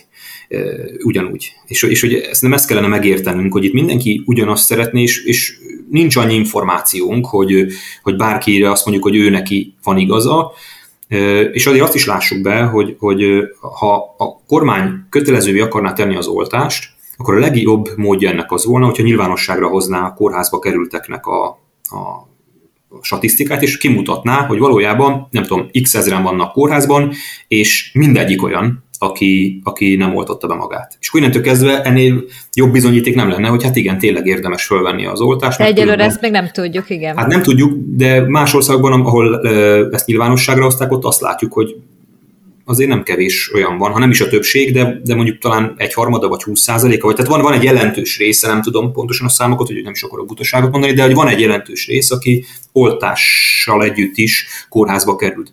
És akkor itt jön a legfontosabb, amit mondani szerettem volna, ami, ami, ami, ami, ami szerintem nagyon keveset hangzik el, hogy nehogy azt gondoljuk már, hogy az oltás az egy ilyen ilyen, hát nem is tudom, csodaszer. Védőburok. Ilyen, védőburok. ilyen páncél. Tehát, miért nem hangzik el az a, a, akár az egyik, akár a másik oldalon, nem egyszer, minden egyes nap és többször, hogy a vírus ellen azért a legerősebb védelmet az immunrendszerünk tudja adni, és egy olyan társadalom, amelyik nem figyel az immunrendszerére, egészségtelenül él, fizikailag és lelkileg is, az akár oltással, akár oltás nélkül is meg fog betegedni. Akár Covid-tól, akár mástól meg fog betegedni. Tehát mi magyarok a Covid előtt is ramaty állapotban voltunk. Tehát, hogy ki kéne már valakinek azt mondani, hogy emberek, ha oltakozik valaki, ha nem, mozogjunk, együnk te, egészségesen táplálkozzunk, lehetőleg mérsékeljük a, a kommentgyűlölködést, mert az, a lelkünknek árt, és aztán az ártat, ártat a testünknek is.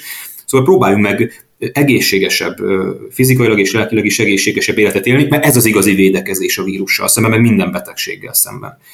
De ez valahogy Szerintem nem egyébként el. Bocsánat, hogy közöltözem, ez lenne egyébként a kormánynak a egyik fő feladata, és ez, amit nem látok sehol sem, egyik országban sem, hogy ezt tudatosítsa az emberekben, hogy a, az egészséges életmód lenne a fontos, és nem az, hogy, hogy különböző gyógyszereket, mindenféle tüneti kezelést oldjunk meg.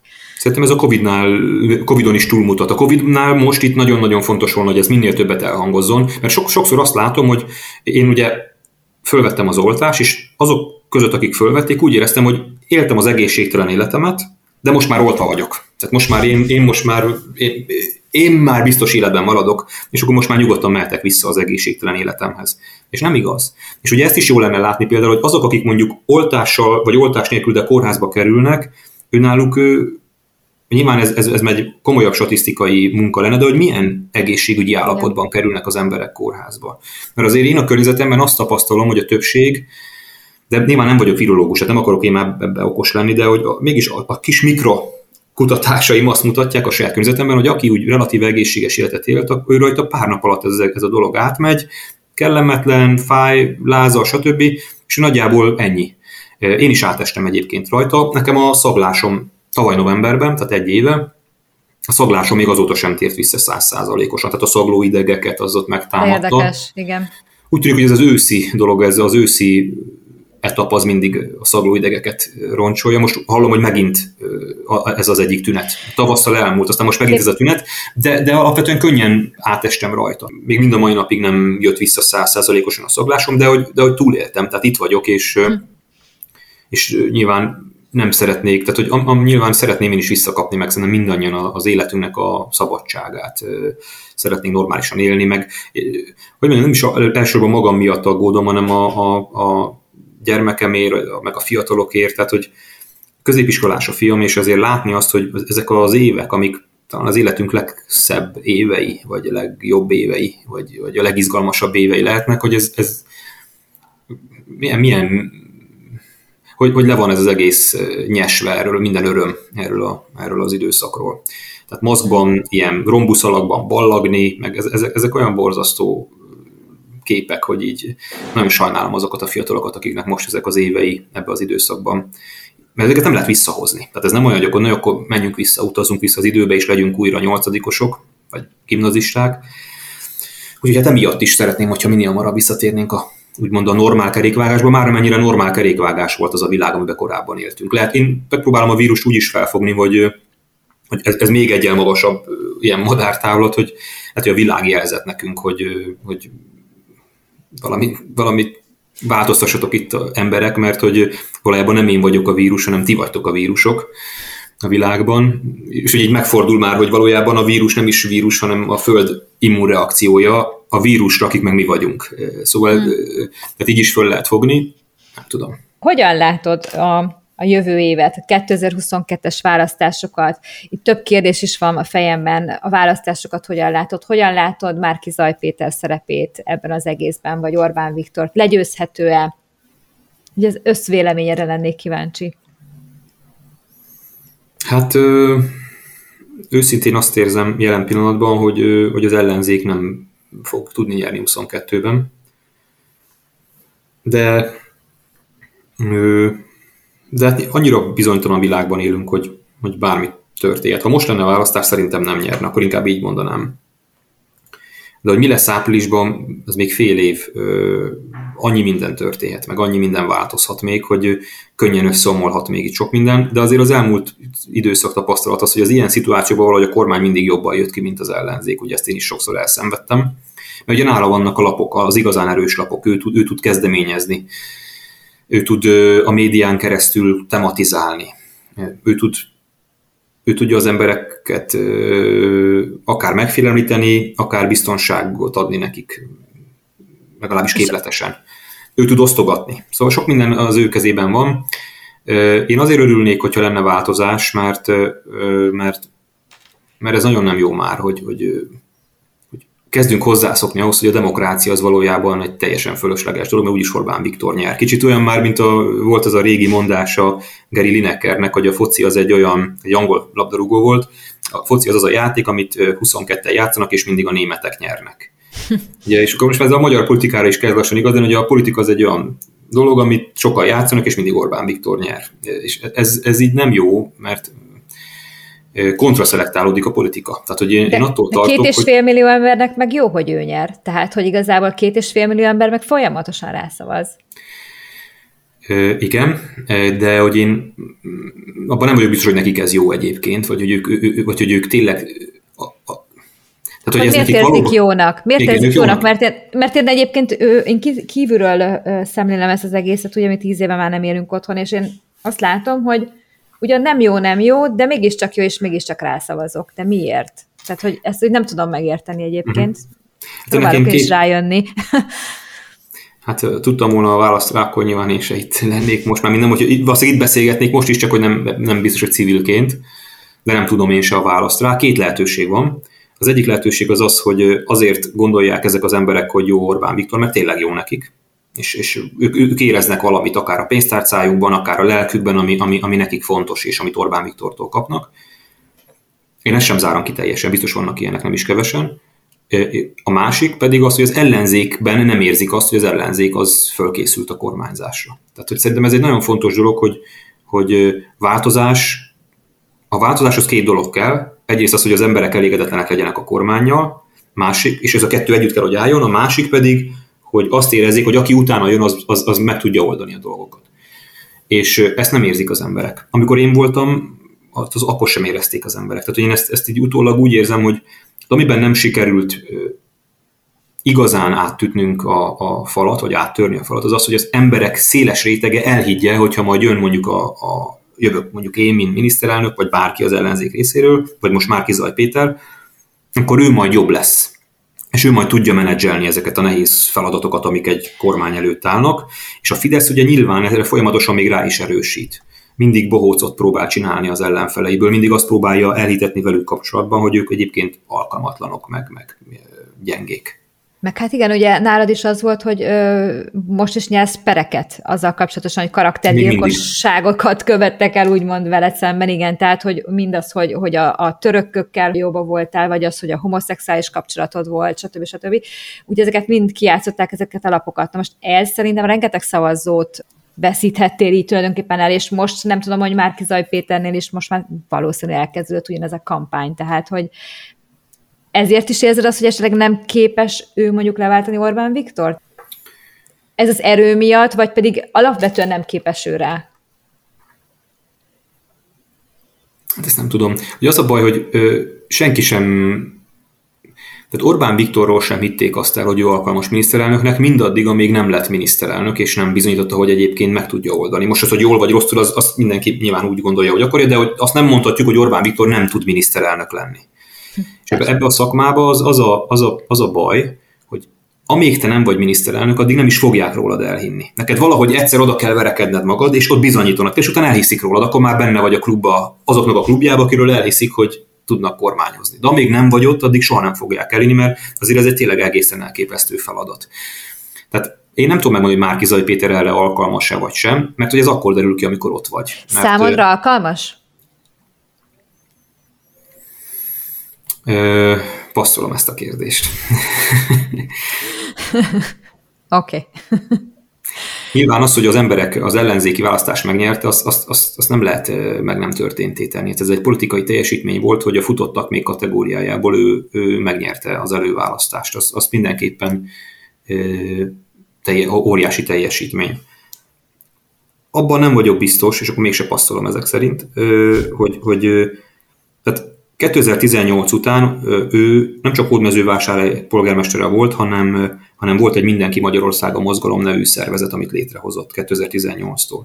Azóta eltelt három év, és én ezt a szervezetet nem látom. Tehát, hogy én a politikában azt megtanultam, hogy nem elég jól beszélni, nem elég ö, ö, okosnak lenni, meg, meg különféle dolgokat fölmutatni, ha nem tudsz csapatot szervezni, ha nem tudsz szervezetet irányítani.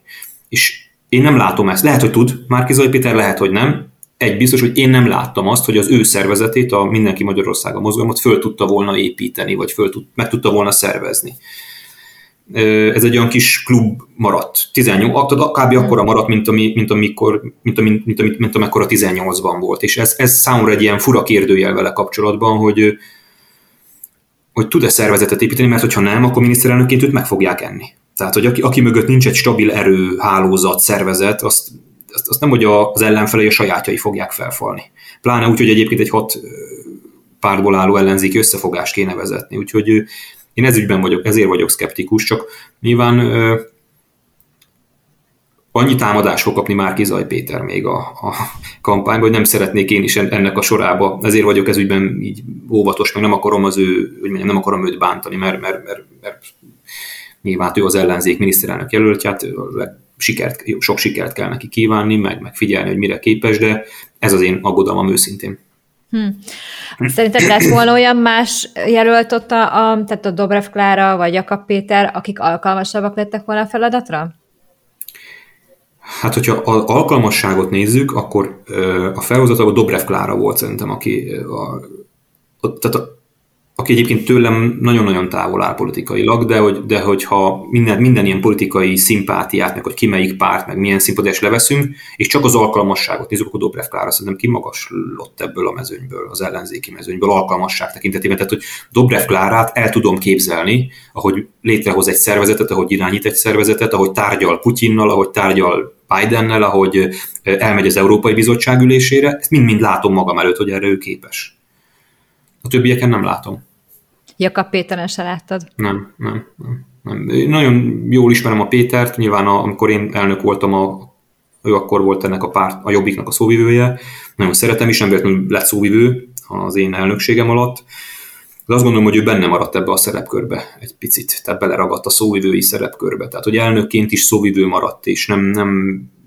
Én próbáltam az ügybe vele párszor beszélni, de nem sikerült sajnos, hogy, hogy azért egy elnökség az nem elég, tehát az nem, nem tehát akármilyen ö, karakteres és akármilyen erős felszólalásai is vannak egy pártelnöknek, pláne egy miniszterelnök jelöltek ennél sokkal többet kell tudni felmutatni, és, és hát utólag nekem lett igazam sajnos, mert, mert úgy tűnik, hogy az emberek, még az ellenzéki szavazók sem, miközben a legnépszerűbb, szerintem Jakab Péter az ellenzéken belül, elképesztő megosztások, meg lájkok, meg minden, tehát imádják Lehet, hogy pont ez a baj, mert igazából, tehát hogy ez a parizer kampány, amit te is mondtál, hogy lehet, hogy ez, ez, ez így sok lájkot gyűjt, de, de alapvetően szavazatot meg nem.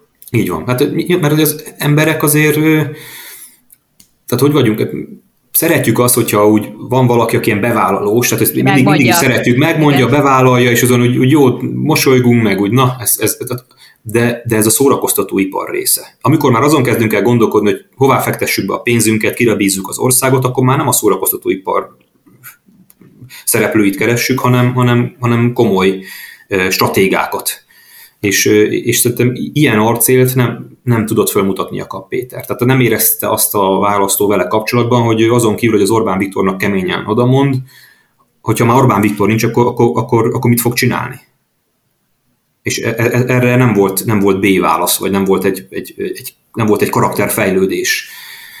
De mindegy, hát most már ez a múlt. Úgyhogy a kérdésedre visszatérve Dobrev Klárán láttam ezt a lehetőséget, Karácsony Gergelyben is, de ő, ő, ő tehát, tehát két, két dolog kellett. Keménynek kell tudni lenni, meg kompetensnek. Jakab Péter kemény volt, de nem volt kompetens. Karácsony Gergely kompetens volt, de nem volt kemény. És Dobrev Klára kemény is volt, meg kompetens is, és Márki Péter is kemény volt, és kompetens, és ők jutottak végül is be a döntőbe, ha belegondolunk. Hmm. És aztán az emberek meg Márki Pétert választották. És hogyha Orbán Viktor gyeri újra a választásokat, akkor hogy, ját, hogy látod Magyarország jövőjét? Hát nem tudom. Hmm. Hát akkor nagyjából még, még négy év ugyanilyen vergődés, és és nem tudom, hogy akkor mi lesz az ellenzékkel, meg az ellenzéki oldalon, hogy akkor milyen, milyen folyamatok indulnak el. Azt, azt szerintem most mi nagyon nehéz megjósolni, hogy akkor mi lesz a DK, mi lesz az összefogással, mi lesz az összefogás különféle szereplőivel, a DK-val, a Jobbikkal, a Momentummal, ki az, aki onnan abból majd jól fog kijönni, ki az, aki rosszul. Tehát itt nagyon sok, sok ismeretlenes egyenlet van. Lesz-e új szereplő az ellenzékben, nem lesz új szereplő mi lesz a világban. Az sem biztos egyébként, hogy az hosszú távon az jár jól, aki megnyeri a 22-es választást. Még azt sem tartom elképzelhetetlennek, hogy aki megnyeri a 22-es választást, az egyúttal meg is bukik, mert hogy olyan gazdasági, meg, meg válság társadalmi válság jön, ami, amit nem lehet kezelni majd normálisan, csak, csak nagyon-nagyon népszerűtlen dolgokkal. Hú, nagyon negatívan látod a jövőt. a, a, a, hát, hogyha Orbán Viktor nyer, azt kérdezted, de mondjuk a, a jövő szerintem hát nem is negatívan látom, hanem, hanem próbálom nem csak, Nem csak, ha Orbán Viktor nem, hanem az, hogy milyen jövő jön, tehát hogy gazdaságilag mondod, Szerintem hogy az jön. Hát de nem jöhet más, ha belegondolsz. Egy, egy olyan gazdasági leállás van, ami, aminek már most látjuk a, következményeit, infláció, vagy hát nem tudom, ott arra felétek, hogy mit tapasztaltok gazdaságilag, de hát itt, itt... Panama elég jól kijött ebből egyébként, Aha. és Panama, Panama rosszul kezelte a, a maga lezárás részét, de, de most már szerintem jól kezeli. Tehát, uh-huh. hogy itt, itt, itt nagyon is beindult a gazdaság. Nálunk a gazdaság úgy tűnt, hogy beindul, sőt, lehet, hogy, sőt be is indul bizonyos értelemben, de elképesztő infláció kíséri, a forint az történelmi mélyponton van az euróval szemben, tehát hogy itt, itt vannak olyan jelek, a költségvetési hiány elszabadult, az államadóság elszabadult, tehát hogy vannak olyan jelek, amik azt mutatják, hogy annak, tehát előbb-utóbb lesz egy csattanás a magyar gazdaságban, azt gondolom. Vagy hát nagyon nehéz lesz elkerülni ezt. Mm, még azt sem tartom elképzelhetetlennek, hogy, hogy lesz egy olyan pont, amikor Orbán Viktor azt mondja, hogy, hogy akkor nyerjen az ellenzék inkább, és elnézést, de így ki ők a bilit. Lehet, hogy már most azt fogja mondani. Hát azért abban van valami gyanús, hogy mennyire menekítik ki az állami vagyont, illetve az állami gazgatási pozíciókat, amit akár ellenzékből is kézben tudnak tartani. Hmm. A második reformkor alapítványod, amit van, amit, amit ö, alapítottál, milyen szerepet tud vállalni szerinted mondjuk 2022-ben, vagy a választások után? Hát a választásokon semmiet, tehát hogy mi a nyilván civil szervezetként a választásokon nem indulunk, nem veszünk részt a választásokban, persze. mindenki magánszemélyként persze azt képvisel, amit gondol. A szerepe az abban van, hogy az első reformkor lemásoljuk, vagyis találjunk olyan ügyeket, olyan fontos ügyeket a 21. századi magyarság életében, amik túlmutatnak a pártpolitikán, képesek mozgósítani, lelkesíteni embereket, pozitív energiákat, és, és, és, és ezáltal bizonyos ügyeket meg tudnak oldani.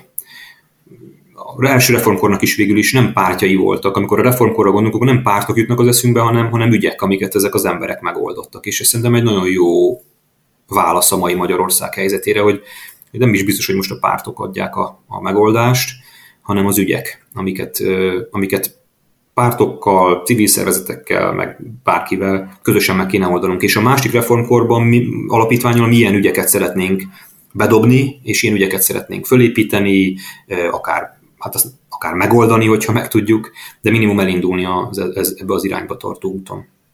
Sikerült egyébként valamit már megoldanatok? Tehát, hogy van már valami, amit azt mondod, hogy sikerként tudsz elkönyvelni? Hát tartottunk egy online népszavazást, amire nagyon büszkék vagyunk, és azt gondolom, hogy e-, ezzel például a jövő szempontjából mindenképp letettünk egy fontos mérföldkövet, mert hogy biztos vagyok benne, hogy a jövőben már a, ez a hagyományos szavazási forma, hogy elmegyünk, és akkor ilyen papírokat teszünk az urnába, ez, ez, ez meg fog szűnni.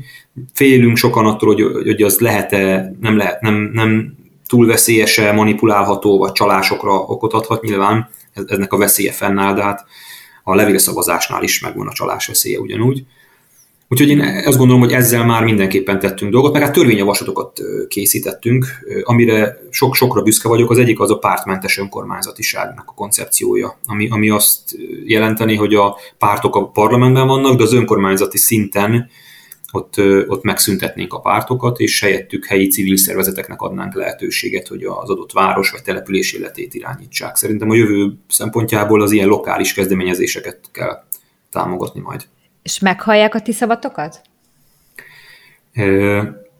Hát ez relatív, nyilván kevesen hallják meg, vagy kevesebben, mint mondjuk egy politikai pártét, de hogy mi ezt erre nagyjából készültünk is. Tehát, hogy eldöntöttük a legelején, hogy most kis színpad. Tehát, a, a, tehát az, az a, mi kis színpadon zenélünk most, és ezt elfogadtuk. És innentől kezdve nincs is bennünk csalódás, hogyha nem a nagy színpadon hangzik fel a zenénk. És, ez, és a kis színpadon szerintem van sikerünk. Ott, ott, ott megtalálnak bennünket, és direkt úgy is építkezünk, hogy nem tehát, hogy nem akarunk tömegszervezetté várni. Aki meghallja a hangunkat, azt várjuk örömmel, mert azt jelenti, hogy a körül ott tart, ahol mi is, így a gondolkodásban. Most, hogy ez előbbre van, vagy hátrébb, azt sem nem akarok senkit minősíteni, csak hogy mi valamerre gondolkodunk, és aki megtalál bennünket, az úgy tűnik, hogy ugyanebbe az irányba gondolkodik, és ő tök jó, hogy itt van, de senkit nem akarunk meggyőzni, vagy győzködni arról, hogy gyere közénk, és te is legyél ennek a közösségnek a része. Úgyhogy kis színpad, ezt szoktuk így mindig mondogatni, és, és ott, ott, ott minőségi zenét játszani. Köszönöm szépen a mai beszélgetés, Gábor, és Köszönöm remélem, is. hogy a kis színpadról tudtak akkor hangosabban is úgymond előadást előadni, és, és valamit el tudtok érni. Nagyon szépen köszönöm, és köszönjük akkor. Köszönöm szépen.